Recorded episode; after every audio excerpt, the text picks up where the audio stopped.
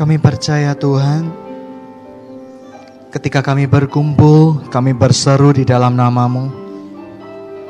Engkau mendengarkan kami, Engkau mengingatkan kami Tuhan. Tuhan ajar kami mengerti Tuhan bahwa setiap hari di dalam hidup kami adalah anugerahmu yang luar biasa. Adalah pemberianmu yang luar biasa. Ajar kami bersyukur Tuhan. Ajar kami berserah penuh kepadamu Tuhan. Karena kami percaya Engkau sajalah kekuatan kami. Engkau saja perlindungan kami Tuhan. Terima kasih Bapak kalau sebentar lagi kamu mendengarkan kebenaran daripada firman-Mu. Biarkan firman-Mu sendiri yang berbicara. Terima kasih Bapa. Kami berdoa, kami satukan doa kami hanya di dalam satu nama. Yaitu nama Tuhan Yesus Kristus yang hidup. Kamu berdoa dan mengucap syukur. Mari semua yang percaya kita sama-sama katakan. Amin. Mari kita buka firman Tuhan di dalam Imamat 20. Imamat 20 kita akan baca beberapa ayat saja. Imamat 20, Tuhan berfirman kepada Musa, engkau harus berkata kepada orang Israel, setiap orang baik dari antara orang Israel maupun dari antara orang asing yang tinggal di tengah-tengah orang Israel yang menyerahkan seorang dari anak-anaknya kepada Molok, pastilah ia dihukum mati, yakni rakyat negeri harus melontari dia dengan batu. Aku sendiri akan menentang orang itu dan menyelenyapkan dia di tengah-tengah bangsanya, karena ia menyerahkan seseorang dari anak-anaknya kepada Molok dengan maksud menajiskan tempat kudusku dan melanggar kekudusan namaku yang kudus. Tetapi jikalau rakyat rakyat negeri menutup mata terhadap orang itu ketika ia menyerahkan seorang dari anak-anaknya kepada orang Molok, aku tidak akan menghukum dia mati. Maka aku sendiri akan menentang orang itu serta kaumnya dan akan melenyapkan dia dari tengah bangsa-bangsanya. Dan semua orang yang turut bercina mengikut dia, yaitu bercina dengan menyembah Molok. Orang yang berpaling kepada arwah atau kepada roh-roh peramel, yaitu yang bercina dengan bertanya kepada mereka, aku sendiri akan menentang orang itu dan melenyapkan dia dari tengah-tengah bangsanya. Maka kamu harus menguduskan dirimu dan kuduslah kamu sebab Tuhan Allahmu Demikian kamu harus berpegang kepada ketetapanku dan melakukannya. Akulah Tuhan yang menguduskan kamu. Apabila ada seseorang yang mengutuki ayahnya atau ibunya, pastilah ia dihukum mati. Ia telah mengutuki ayahnya atau ibunya, maka darahnya akan tertimpa padanya sendiri. Bila seseorang laki-laki bercina dengan istri orang lain, yakni bercina dengan istri sesamanya manusia, pastilah keduanya dihukum mati, baik laki-laki maupun perempuan yang bercina itu.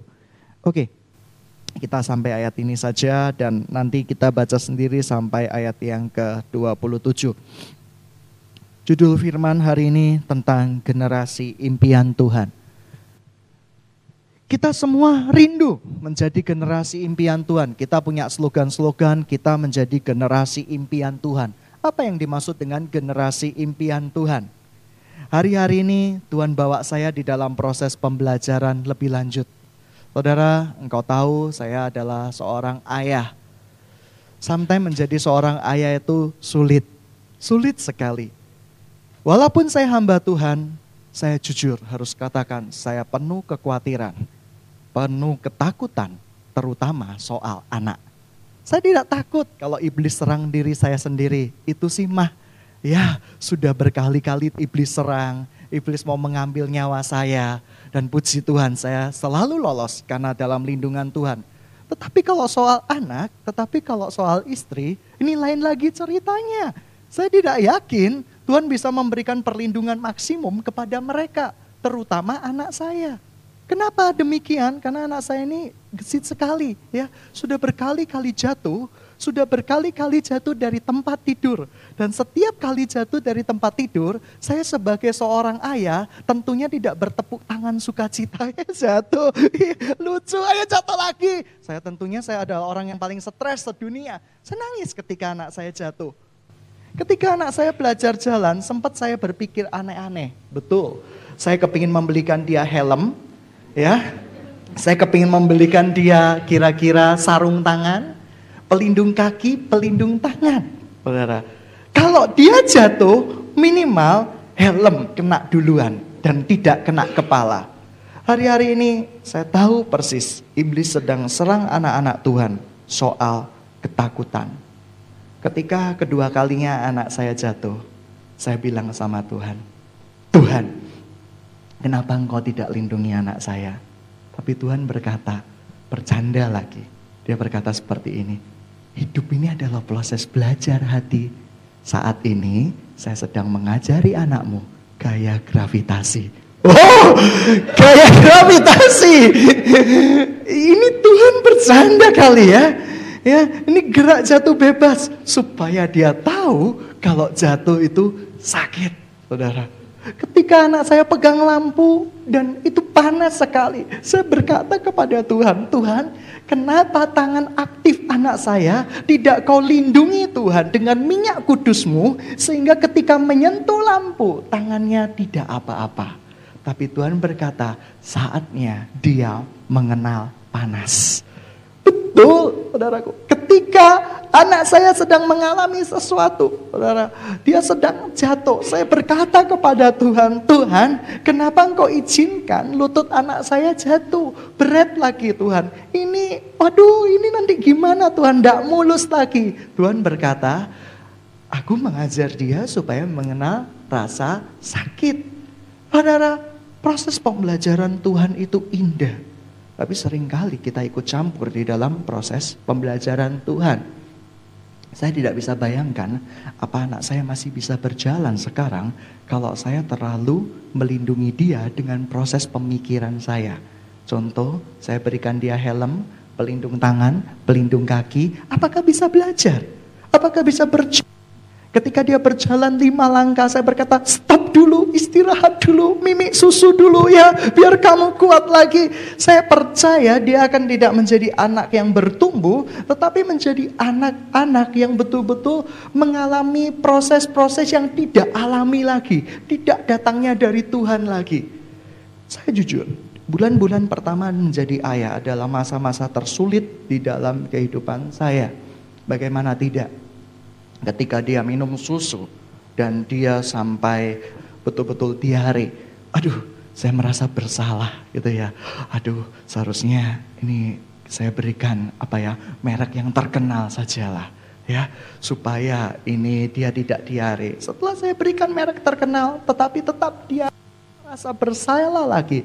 Akhirnya ke Fokus hidup saya tidak lagi tertuju kepada Tuhan, tetapi tertuju bagaimana melindungi anak saya dari semua hambatan, tantangan, rintangan. Eh, hamkam rata itu ya. Waktu saya masih SD diajari seperti itu. Waduh, hambatan, tantangan, rintangan ini gimana ya? Akhirnya semua perhatian saya terfokus pada dia. Belum lagi dia beranjak lima bulan saya sudah memikirkan asuransi apa yang terbaik untuk pendidikannya. Jujur, saya ayah yang seperti itu. Saya ayah yang mengasihi anak saya. Saya kepingin memberikan asuransi pada dia. Sehingga suatu saat kalau dia dewasa dan dia jerawatan ada asuransi kesehatan gitu ya. Sehingga dia bisa pergi ke dokter kulit tanpa perlu membayar. Mungkin seperti itu. Tapi saya tahu saya terlalu ikut campur di dalam pembentukan anak saya oleh Tuhan. Dan pelan tapi pasti saya belajar untuk apa ya? Dia menjalani proses-proses alami di dalam kehidupan dia. Seringkali kita di dalam menjadi generasi impian Tuhan, kita terlalu banyak ikut campur di dalam kehendak Tuhan. Seringkali di dalam kita rindu menjadi generasi impian Tuhan. Apa generasi impian Tuhan itu? Generasi di mana imamat ini terlaksana dengan sejati, dengan sempurna. Imamat 20 ini. Luar biasa. Ada orang yang kepahitan, ada orang yang kecewa satu sama lain. Saudara, ketika engkau kecewa dengan gembala, gembala kecewa dengan domba, apa yang harus dilakukan di generasi impian Tuhan? Gembala dan domba yang saling-saling kecewa berpalukan gitu ya. Akhirnya berkata, "Gem-gem, aku gembala, kamu itu mengecewakan saya." Ya, kamu lebih mengenyangkan dirimu sendiri daripada mengenyangkan saya. saya mungkin juga akan berkata kepada Dombi, Bimbi gitu ya. Kamu juga mengecewakan saya. Ya. Berkali-kali saya nasihatin kamu pergi ke tempat A, pergi ke tempatnya Pak Mamat, tetapi kamu selalu pergi ke tempatnya Pak Camat. Ini beda, Mbi, gitu ya. Wah, tetapi karena ada kasih Tuhan, kita berpelukan, kita berkata, iya, saya pun sampai sekarang tidak lepas dari kesalahan. Kita belajar untuk saling mengasihi. Waduh, berpelukan, itu generasi impian Tuhan. Generasi impian Tuhan itu berbicara seperti ini, menerima orang tanpa mempercakapkan keberadaannya. Seumur-umur saya menjadi gembala, menjadi penginjil, saya sering ketemu dengan orang-orang tertentu yang masuk ke dalam rumah Tuhan dengan motivasi tertentu. Karena saya dari background orang yang masuk ke rumah Tuhan dengan motivasi tertentu. Ketika saya waktu SMA, zaman dulu SMA, saya jomblo. Ya, saya jomblo. Saya enggak punya pasangan. Saya masuk ke rumah Tuhan dengan satu motivasi. Di antara sekian ratus inceran saya, minimal ada satu orang yang kena. Gitu ya. Saya berharap seperti itu. Tetapi rencana manusia bukanlah rencana Tuhan. Akhirnya apa yang terjadi? Saya tetap jomblo. Gitu. Kenapa demikian? Saya pun menyadari sebagai seorang gembala ketika ada seseorang yang masuk ke dalam rumah Tuhan. Ada yang motivasinya yang kedua. Ketika saya dalam penginjilan, saya ini orangnya masih polos luar biasa. Polos. Polos imut saudaraku ya. Ketika ada seseorang, saya ini bukan orang yang berada ya. Saya bukan orang yang berada yang punya duit banyak. Sekitar 12 tahun yang lalu, ada seseorang yang berkata seperti ini. Dia berkata, Kak, rumah saya kebakaran. Lu, kebakaran ya? Betul. Kucing saya mati, anjing saya mati, gitu ya. Dan yang paling mengerikan, semuanya meninggal dunia. Dia nangis dengan luar biasa. Kakak, saya tahu kakak diutus Tuhan. Oh ya pasti gitu ya. Uh, mulai bangga saya, mulai menaikkan. Iya, saya memang diutus Tuhan ini gitu ya. Seperti itu. Saya percaya kakak diutus Tuhan untuk menolong saya.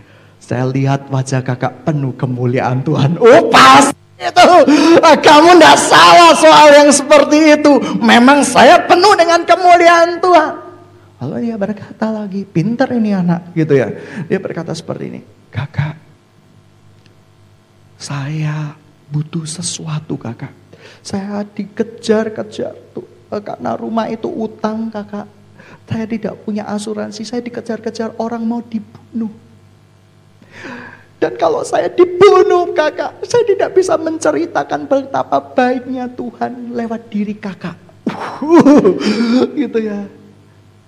Saya berkata seperti ini, e, kakak saya perlu pergi ongkos ke waktu itu Timur Timur ya, ke Timur Timur. Saya berkata berapa ribu, tak pikir tiga empat ribu ya enggak apa-apa lah gitu ya. Tapi dia berkata, Iya saya akhirnya mikir ya sekarang ya, kalau empat ribu berenang kali ya ke sana gitu ya. berenang kali ya. Dan akhirnya, akhirnya singkat cerita, dia meminta kurang lebih ratusan ribu. Karena hati saya begitu dipenuhi dengan bunga-bunga. Karena Yesus ada di dalam wajah saya, itu kebanggaan tersembunyi, terselubung di saya. Saya ingin Yesus betul-betul dikenal lagi. Akhirnya saya berikan semua tabungan saya.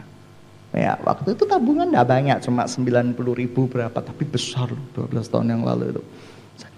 Terus saya didatengin orang gitu ya, seperti itu. Saya cerita sama teman-teman saya dari persekutuan doa. Aduh lihat. Tapi teman saya ini punya karunia indah. Begitu saya cerita namanya siapa, ciri-ciri orangnya siapa, dia langsung berkata seperti ini, saya tahu Hadi, dia pasti ke kepingin ke timur-timur. Saya tahu kucingnya mati kan? Gitu, uh saya pikir sakti banget anak persekutuan doa ini ya.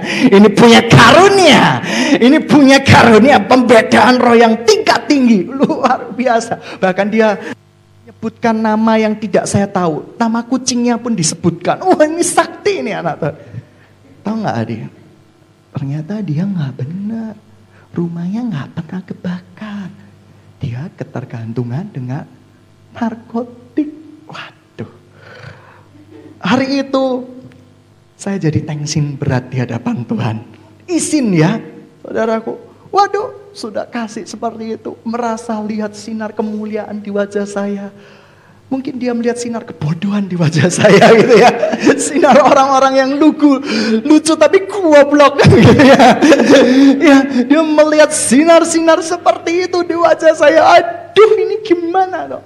Hari itu saya bertekad, saya berkata kepada Tuhan, bukan bersumpah sih, saya berjanji di hadapan Tuhan Berikan karunia pembedaan roh itu atau aku nggak mau melayani sama sekali. Sekali saya ditipu itu habis-habisan bagaimana? Saya sudah berikan semua yang saya dapat beri. Tetapi ditipu mentah-mentah. Saya mulai marah, saya mulai kecewa. Tapi Tuhan berkata, kamu dalam proses belajar hati. Belajar untuk ditipu orang dan jangan mau tertipu lagi. Seperti itu. Dan saya belajar untuk sekarang ketika menyikapi banyak sekali pergumulan, masalah-masalah yang terjadi. Saya belajar untuk berdoa, belajar untuk tanya Tuhan, belajar untuk konfirmasi. Sebab kalau tidak konfirmasi ulang itu biasanya bahaya. Dan masalahnya anak-anak Tuhan paling suka dengar cerita yang memojokkan orang lain itu problem bagi anak-anak Tuhan, termasuk problem bagi hamba Tuhan. Ketika ada seorang hamba Tuhan dipuji, jemaat di tempat Bapak dahsyat. Uh, iblis memberikan panah tipuan yang pertama dan hamba Tuhan biasanya jadi lengah. Pak pendeta, saya itu tidak dirawat di gereja lain. Gereja sana tidak memberikan kasih. Hmm.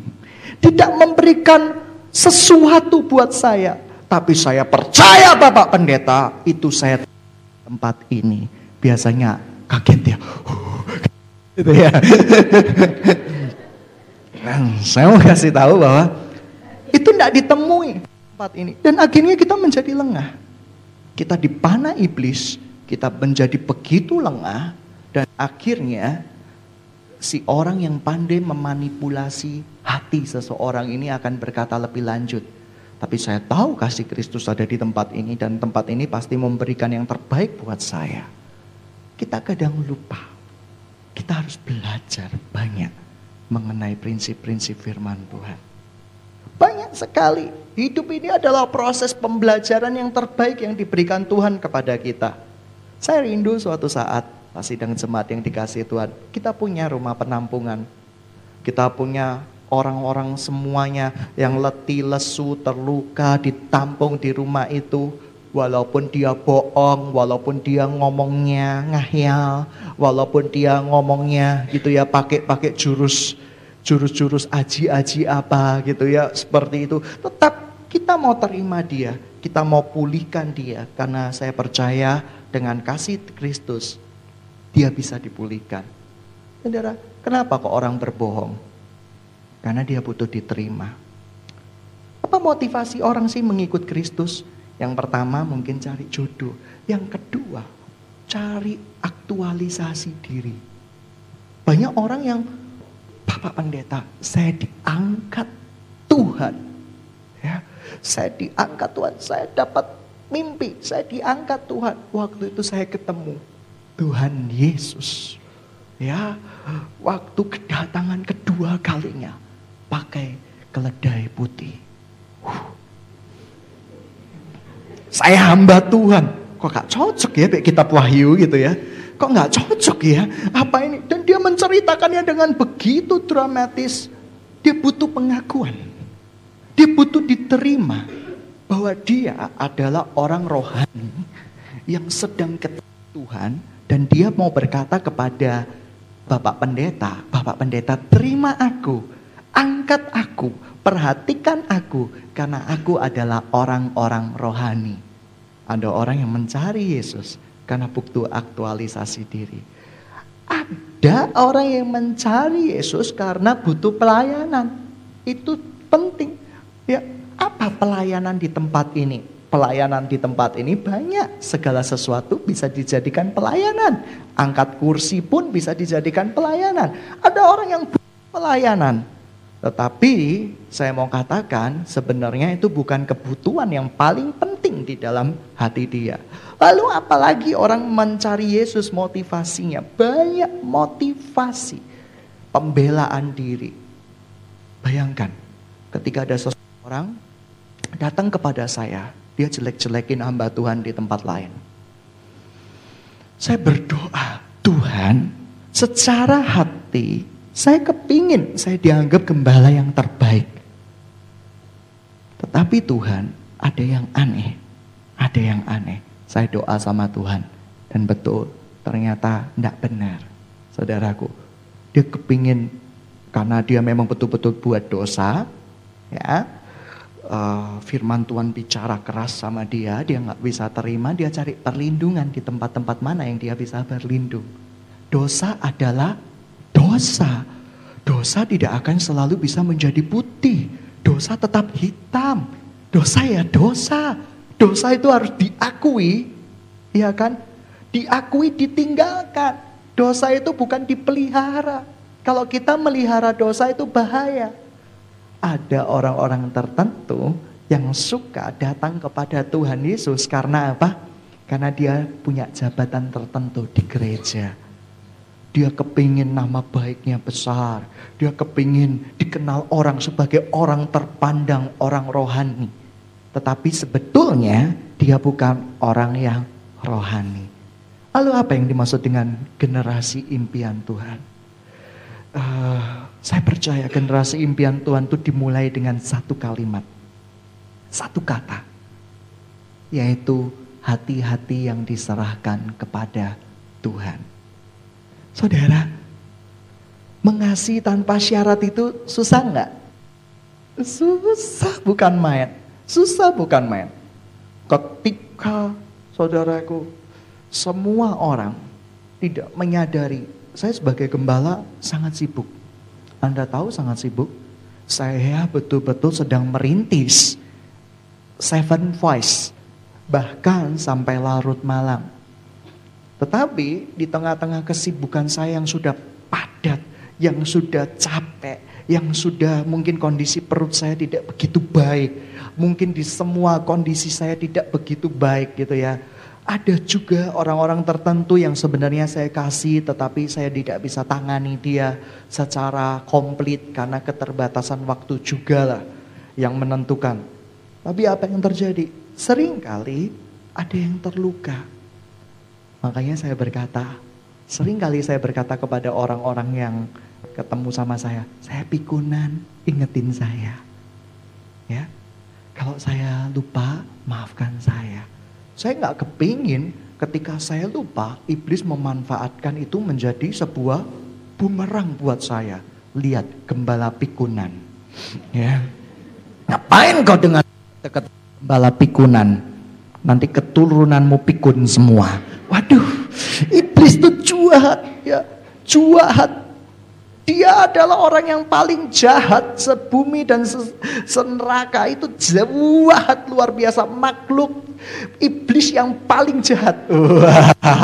makhluk iblis yang paling waduh paling paling cuaci bahasa bahasa apa ya bahasa Mandarin ya paling betul-betul tidak benar saudaraku.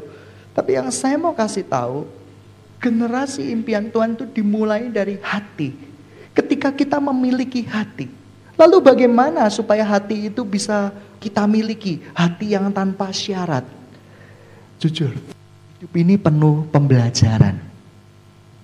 Melepaskan sesuatu itu berat enggak?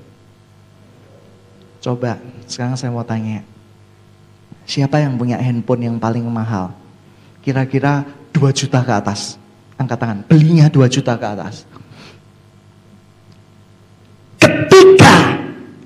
ada orang-orang yang betul-betul butuh. Ya, betul-betul butuh. Keadaannya memang betul-betul tidak dibuat-buat, memang betul-betul butuh. Ya, dia akan melahirkan anak tetapi dia nggak punya biaya.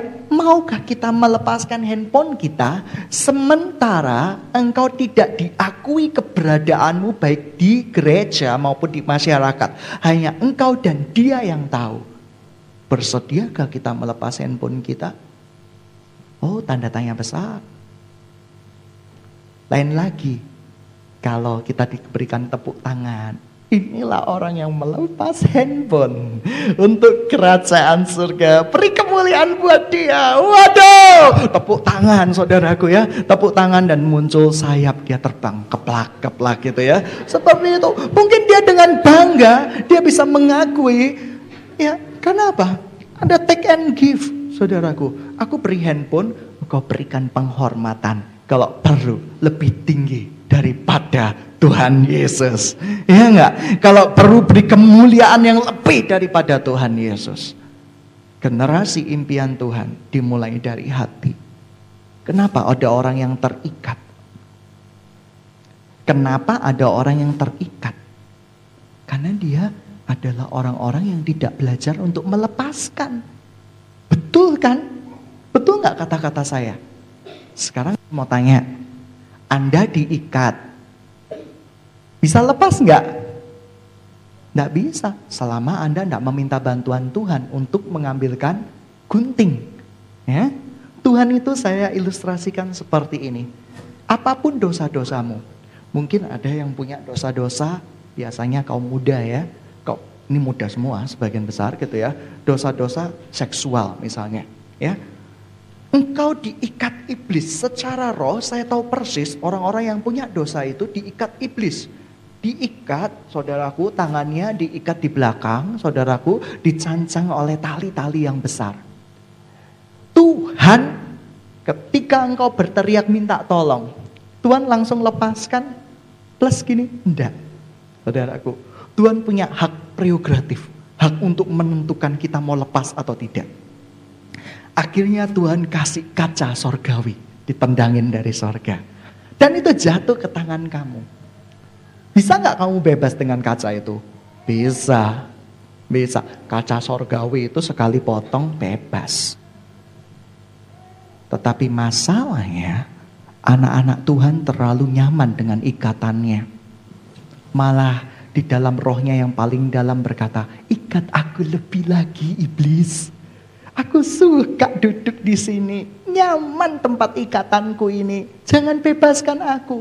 Tetapi mulutnya, manusianya, jiwanya berkata, aku mau bebas. Yang gak akan pernah bisa bebas.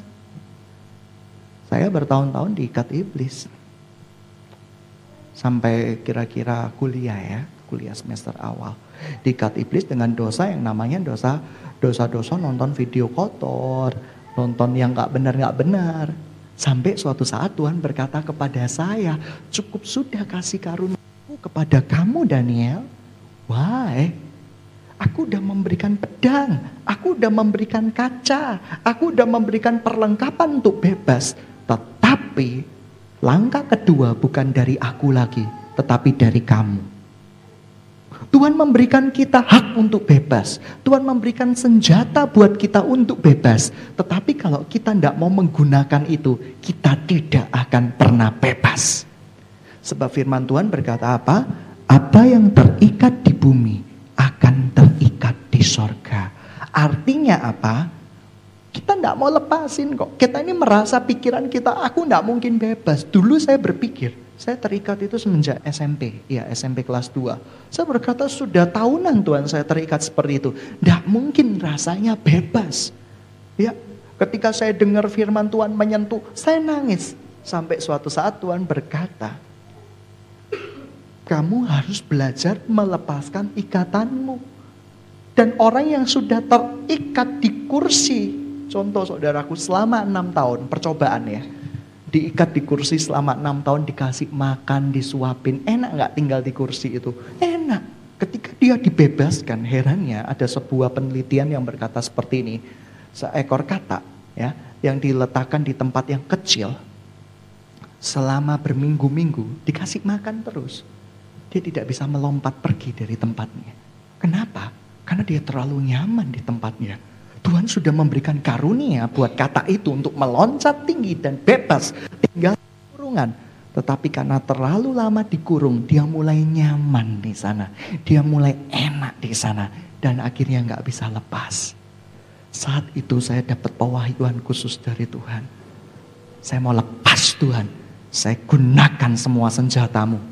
Besoknya langsung lepas. Jatuh lagi. Jatuh lagi. Oleh karena itu lagu jatuh bangun dibuat. Gitu ya. Jatuh lagi. Jatuh. Sampai Tuhan berkata. Nah, aku lihat ada motivasi yang kuat dari dirimu untuk lepas. Sekarang aku berikan kasih karuniaku kepada kamu untuk bebas. Ya sudah, bebas. Dulu ketika saya pergi ada kaset-kaset kotor. Tangan saya bergetar. Tangan saya bergetar. Saya kepingin memegang kaset-kaset itu. Saudaraku, ya ada kecenderungan buruk, saudaraku. Ada kecenderungan buruk dari anak-anak Tuhan. Anak-anak Tuhan itu belajar berfokus, saudaraku. Ya betul, saudara. Ini ciri-ciri yang buruk. Kamu tahu segala kejadian itu diizinkan Tuhan nggak? Diizinkan Tuhan.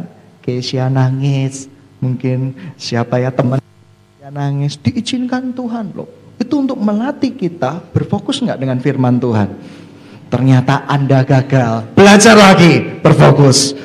Kamu percaya kan Roma 8:28 bahwa Allah turut bekerja di dalam segala sesuatu.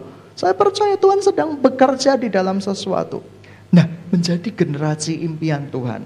Pertama kita harus merebut hati Tuhan dan kita direbut hatinya dari Tuhan. Merebut hati Tuhan itu dengan cara seperti ini. Berserah total kepada Tuhan. Menyerahkan semua milik kita yang memang sudah wajib kita berikan kepada Tuhan. Saudara, Ketika engkau di saat-saat kelimpahan. Ketika saya beberapa waktu yang lalu, saya di dalam saat-saat kelimpahan. Dengan mudahnya saya bisa berkata, buat gereja, bangun gereja. Karena saya berkelimpahan. Tetapi ketika saat saya mengalami masa-masa pembentukan Tuhan. Sanggupkah saya berkata, buat gereja, ini persembahanku.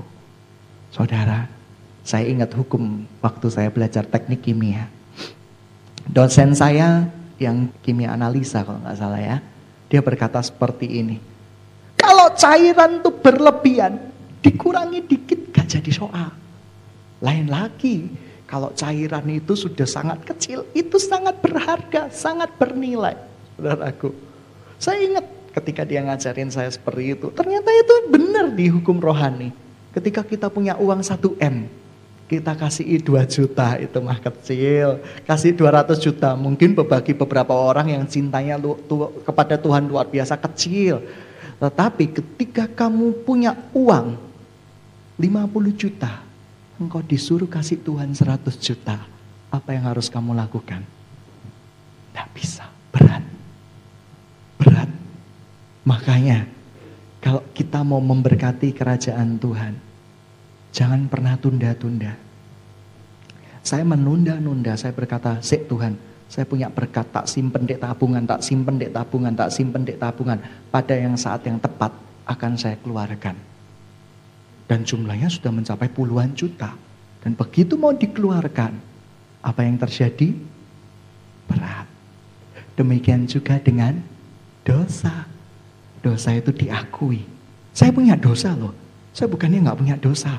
Saya manusia yang banyak dosa. Tetapi satu hal yang saya bersyukur kepada Tuhan. Saya mau belajar supaya saya melepaskan dosa-dosa saya. Dosa itu harus diakui tiap hari enggak? Diakui. Kalau enggak tambah banyak, tambah banyak, tambah banyak. Dan akhirnya menjadi manusia Tuhan yang paling penuh dosa. Betul kan? paling penuh dosa. Dan ketika kita sudah penuh dosa, itu begitu berat kita untuk mengakuinya di hadapan Tuhan. Akhirnya apa? Kita mulai kebal terhadap dosa.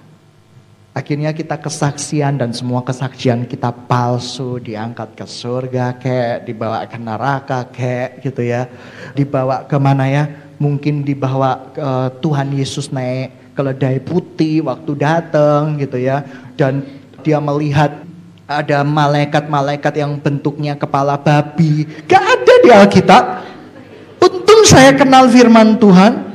Kalau enggak gua percaya begitu saja dan saya terima mentah-mentah itu oh engkau orang yang mendapat pewahyuan khusus dan terima kasih selamat datang di dalam dunia kerajaan sorga. Berikutnya kunci daripada generasi impian Tuhan hati. Tuhan berkata beberapa waktu yang lalu sama saya seperti ini. Bisa nggak saya memberkati kamu dengan suatu rumah penampungan yang terbesar se-Asia? Itu kan mimpimu. Bisa Tuhan. Tidak ada yang gak mungkin bagi engkau. Terus tiba-tiba Tuhan berikan gambaran itu ke saya. Kita dapat rumah penampungan yang besar sekali. Waduh saya begitu lihat rumah itu senang luar biasa. Besar, ranjangnya susun, rapi gitu ya. Di situ ada dapur umum, masakannya luar biasa saudaraku. Di situ luar biasa. Di situ penuh kebersihan, semuanya rapi, semuanya indah, semuanya betul-betul perfect. Saudaraku, saya senang Tuhan, kapan kau berikan? Dan Tuhan memberikan gambaran kedua. Dan saya berkata, saya terdiam ketika Tuhan memberikan gambaran kedua. Saya melihat diri saya dan beberapa orang, ratusan banyaknya, duduk di sebuah kantor. Dan dari jam 5 pagi sampai jam 2 pagi kami tidak berhenti-berhentinya terima orang untuk konseling yang akan masalah-masalah mereka. Saat saya melihat penglihatan yang kedua, perut saya mulai mual. Ya, ya, penglihatan yang ketiga mulai lebih lagi, lebih mau muta-muta lagi gitu ya. Mulai terjadi keributan di rumah penampungan itu. Nggak cukup gitu ya. Tadi ya itu si Fendi curi lampu. Waduh, lampunya hilang semua. Curi televisi ini gimana Pak Pendeta? Saudaraku, saya cuma termenung di sana di penglihatan yang ketiga termangu-mangu. Ya, dan semuanya dan mulai terjadi beras tidak ada mereka butuh makan kalau mereka nggak makan mereka gimana mereka akan mati saudaraku. Dan semuanya ketika penglihatan ketiga perut saya mual, mas saya kambuh berat, saudaraku betul ya. Mas saya kambuh berat. Di saat itu saya sangat-sangat sadar. Di saat-saat itu saya sangat-sangat sadar bahwa apa? Saya belum siap. Saya belum siap. Saya bersyukur Tuhan lenyapkan penglihatan yang ketiga itu dan kembali. Oh, puji Tuhan. Karena di penglihatan itu suatu keadaan yang penuh dengan tekanan, suatu keadaan yang betul-betul penuh dengan saya harus punya kasih dari sorga, baru saya bisa punya rumah penampungan sebesar itu. Ketika saya dapat penglihatan lagi, Tuhan berkata, Daniel Hadi, anakku yang nakal. gitu. Lalu dia berkata seperti ini, nih tak kasih penglihatan sama kamu. Mau nggak kamu punya betul-betul tempat pendidikan yang besar.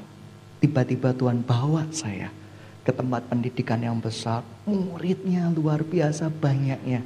Saudaraku, di sana ekstrakurikulernya pujian penyembahan. Wah, ada yang tamburin, ada yang uh, semuanya wah, kelihatannya menyenangkan. Tapi ketika saya lihat situ, saya begitu datang saudaraku, penglihatan kedua selalu nggak enak. Guru-gurunya nangis semua. Mukul-mukul dadanya masing-masing. Saya tidak sanggup. Anak-anak ini terlalu nakal. Rok saya ditarii gitu ya. Rambut saya dijambai. Saya mau keluar dari neraka ini. Keluarkan saya. Saya pergi ke kelas-kelas lain. Keluarkan saya. Ketika saya ngajar mereka makan kopi, makan coklat. Dan semuanya makan permen, makan apa gitu ya. Seperti itu. Kenapa? Karena di dalam penglihatan saya, sekolah kita gratis. Dan kalau sekolah kita gratis, you know, siapa orang-orang yang ada di dalamnya. Mungkin anaknya pencuri gitu, anaknya perampok gitu ya. Anaknya tukang todong ada di sana semua. Sudah siapkah kita melakukan semuanya itu? Bibir ngomongnya siap. Ya, begitu dipraktekkan beneran. Saya mau kasih tahu, kamu akan menyesal. kamu akan menyesal ikut dalam visi ini. Ketika di sebuah penglihatan ada suatu tempat besar, saudaraku semacam auditorium dan di sana ada orang-orang yang melatih musik, melatih pujian, penyembahan, tari-tarian. Di sana saya melihat Tuhan pengasih penglihatan ini penyembahan kepada Tuhan. Enggak. Mereka nakal, saudaraku drum begitu main drum, main lagu dunia heavy metal, tari-tariannya juga dunia abis saudaraku. Wah, begitu gurunya datang jadi rohani gitu ya. Wah, ya dia mainkan lagu-lagu rohani gitu ya seperti itu di bantah seperti itu. Akhirnya guru senamnya stres berat gitu ya. Waduh, penuh, aduh rambutnya sampai memutih rambutnya seperti itu. Betul-betul itu yang terjadi. Ketika saya berkata seperti itu, sudah siapkah kita Jangan engkau berkata sudah siap. Karena bentukan yang kecil saja kita tidak bisa alami. Kita baru punya apa sih? Kita baru punya playgroup, kita baru punya radio. Baru segitu saja itu sudah terasa menekan hidup kita. Sudah terasa begitu menyiksa kita. Apalagi Tuhan percayakan sesuatu yang lebih besar. Saya berkata bahwa kalau Tuhan mau kasih, tiga hari lagi jadi. Saya percaya itu. Tapi ada penglihatan yang terakhir. Setelah kita bisa melampaui semuanya itu. Mereka menjadi manusia-manusia yang sangat diimpikan Tuhan. Menjadi generasi impian Tuhan. Ternyata saya baru sadar. Bukan hanya kita yang merupakan generasi impian Tuhan. Tetapi yang jadi kehendak Tuhan. Kita punya suatu wadah kerajaan sorga untuk melahirkan generasi-generasi impian yang berikutnya. Dan itu luar biasa. Ketika saya dibentuk Tuhan, saya punya pekerjaan. Tuhan berkata tinggalkan. Tuhan saya tinggalkan. Berikan saya orang-orang untuk ngurus tempat ini. Saya tinggalkan. Saya pasti Tuhan. Tapi coba kita bayangkan. Dengan pekerjaan yang seperti itu aja sudah rumitnya bukan main. Apalagi nanti ditambah pekerjaan-pekerjaannya Tuhan. Tambah rumit setengah mati. Siap nggak kita untuk terima? Belum tentu. Saudara, Tuhan pakai kita. Tuhan rindu kita menjadi generasi impian Tuhan. Tahu nggak generasi impian Tuhan itu seperti apa? Engkau diperlakukan tidak adil. Engkau difitnah. Engkau diperlakukan curang. Mungkin dengan anak-anak bimbinganmu. Tapi engkau tetap peluk dia dan berkata, aku mengasihimu tanpa syarat. Dan itu generasi impian Tuhan. Dan kalau kita bisa melakukan semuanya itu, saya percaya pembebasan pun sudah tiba. Sekarang Tuhan sedang siapkan wadah yang besar. Begitu, begitu besar. Untuk mempersiapkan generasi-generasi akhir zaman. Saya tahu Beberapa pasukan terpukul mundur. Tetapi saya tahu persis. Ketika kita bikin retreat Spirit of Heroes ya. Tuhan simulasikan sedemikian rupa sehingga orang-orang yang jatuh. Orang-orang yang mundur. Orang-orang yang terpana iblis. Tugas kita untuk mengangkat mereka kembali dengan kasih Kristus. Dengan kasih yang datangnya dari Tuhan.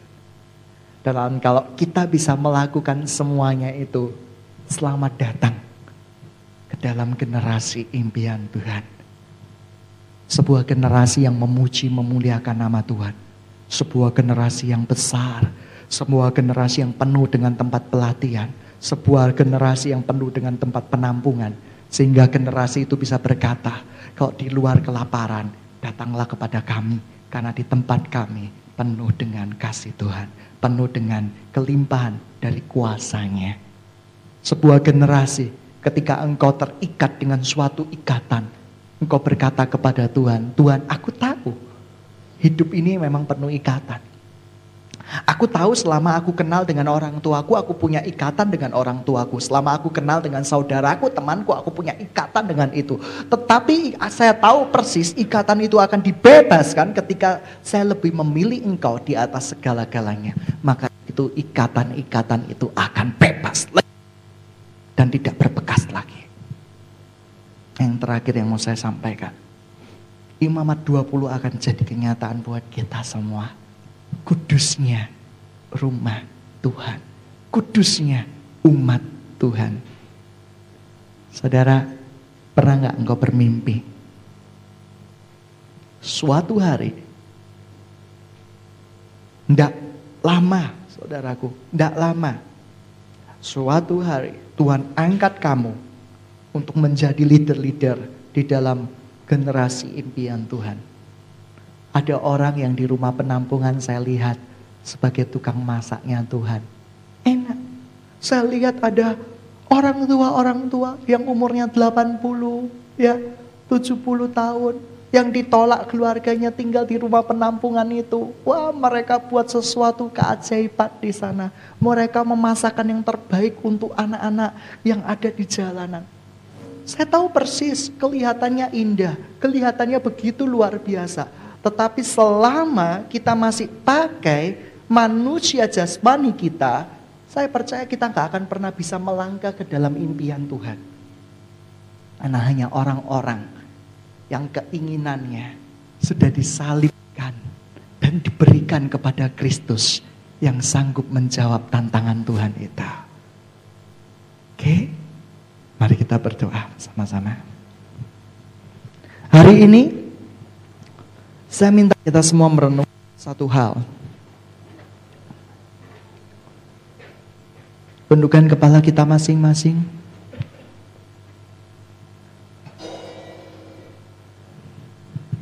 Mari kita tundukkan kepala kita masing-masing. Mari pejamkan mata kita. Kita mau dalam saat teduh kepada Tuhan.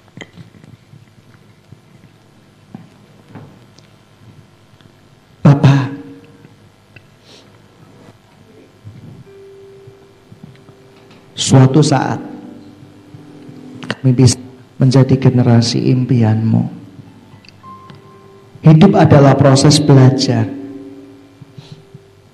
Kami percaya itu. Yang kedua Tuhan yang kami percaya. Ada banyak orang motivasi mengikut Tuhan. Ada orang-orang tertentu yang menggunakan nama Tuhan untuk kepentingan duit. Untuk memajukan sebuah usaha untuk menganggap bahwa usahanya adalah rohani, padahal usahanya sama sekali nggak rohani. Untuk menganggap bahwa dia itu cinta Tuhan, sebenarnya dia cinta dut, bukan cinta Tuhan. Dia cinta dunia, dia nggak pernah cinta Tuhan. Kalau motivasi-motivasi kita seperti itu di hadapan Tuhan, percayalah. Ketika cahaya kemuliaan Tuhan itu datang menjemput kita, dan ketika kita tidak dijumpai nama kita di dalam kitab kehidupan Tuhan, maka sesungguhnya sudah waktunya sudah semakin dekat. Akan ada penghukuman kekal buat kita. Allah sanggup kok membedakan pertimbangan pikiran saya dan saudara. Allah sanggup memisahkan pertimbangan jiwa roh kita. Allah sanggup kok saya tidak bermaksud menghakimi Anda karena dengan menghakimi saya pun akan dihakimi. Tapi saya mau memberitakan kebenaran daripada firman Tuhan. Ketika cahaya Tuhan datang, sanggupkah engkau berkata kepada Tuhan, Tuhan, aku telah memelihara imanku, aku hidup murni, kudus, jujur, dan berkenan di hadapanmu. Walaupun engkau majelis gereja, walaupun kau pelayanan di mimbar, walaupun namamu begitu baik di mata orang umum, tetapi kalau itu bukan dari hatimu yang paling dalam, tetapi karena engkau butuh dihargai, saya percaya engkau tidak sedang dalam keselamatan. Keselamatan pun tidak mungkin ada. Karena definisi dari keselamatan, barang siapa mengaku menerima Yesus secara pribadi, yang artinya begitu mendalam. Barang siapa menjadikan Yesus Tuhan di hatinya, yang berkuasa mutlak di dalam kehidupannya, itulah yang akan menerima janji-janji kehidupan Tuhan. Barang siapa tidak, dia akan dimusnahkan di dalam dapur api dan dapur penghakiman. Karena firman Tuhan berkata, Aku benci pembohong, pemburit. Aku benci dengan orang yang suka berzina. Tapi aku suka dengan orang-orang yang seperti itu berbuat dosa tetapi mau meninggalkan dosanya. Yang mau berikan dosa-dosanya untuk aku. Hari ini Tuhan cuma mau katakan buat kita apa motivasimu ikut Tuhan? Hanya engkau dan saya yang tahu. Engkau dan saya tidak tahu. Tuhan tahu motivasi kita masing-masing berikutnya, kalau engkau ingin menjadi anggota dalam generasi impian Tuhan, yaitu seluruh umat Tuhan di muka bumi ini, saya cuma mau katakan, miliki hati, miliki hati yang kita serahkan penuh kepada Tuhan. Kalau kita, kita sudah melakukan semuanya itu, saya percaya kita semua bisa berkata selamat datang. Janji-janji Tuhan, selamat datang penggenapan daripada janji-janji Tuhan. Katakan kepada Tuhan, aku mau hidup di dalammu Tuhan. Pakai aku seturut kehendakmu, seturut kemuliaanmu. Menjadi setia itu tidak mudah. Tapi tanpa kesetiaan, kita tidak akan pernah mendapatkan janji-janji daripada Tuhan itu. Puji Tuhan, terima kasih Bapak. Hari ini kami percaya Tuhan, hanya padamu sajalah Tuhan, jawaban hidup kami. Kerinduan terbesar di dalam hati kita saya rindu kita semua menari di hadapan Tuhan. Melihat dia tertawa, melihat perbuatan-perbuatan yang dilakukan oleh anak-anaknya. Ketika saya melihat anak saya, dia melakukan hal-hal yang menyenangkan saya. Saya tertawa. Saya tertawa terbahak-bahak. Saya begitu bergembira saya rindu Bapa saya di surga. Bergembira karena apa yang sudah kita lakukan untuk dunia ini yang kita persembahkan untuk kemuliaan namanya. Thank you Jesus. Terima kasih untuk hati-hati yang luar biasa di tempat ini. Terima kasih Tuhan. Biarkan firman-Mu menjadi pedang buat kami. Jauhkan roh intimidasi di tempat ini. Jauhkan roh penghakiman di tempat ini. Tetapi firman-Mu memperbaiki kesalahan menuntun orang untuk menjumpai Tuhannya. Terima kasih Bapa. Kami berdoa hanya di dalam satu nama, yaitu nama Tuhan Yesus Kristus. Kami sudah berdoa dan mengucap syukur. Mari semua yang percaya kita sama-sama katakan. Amin.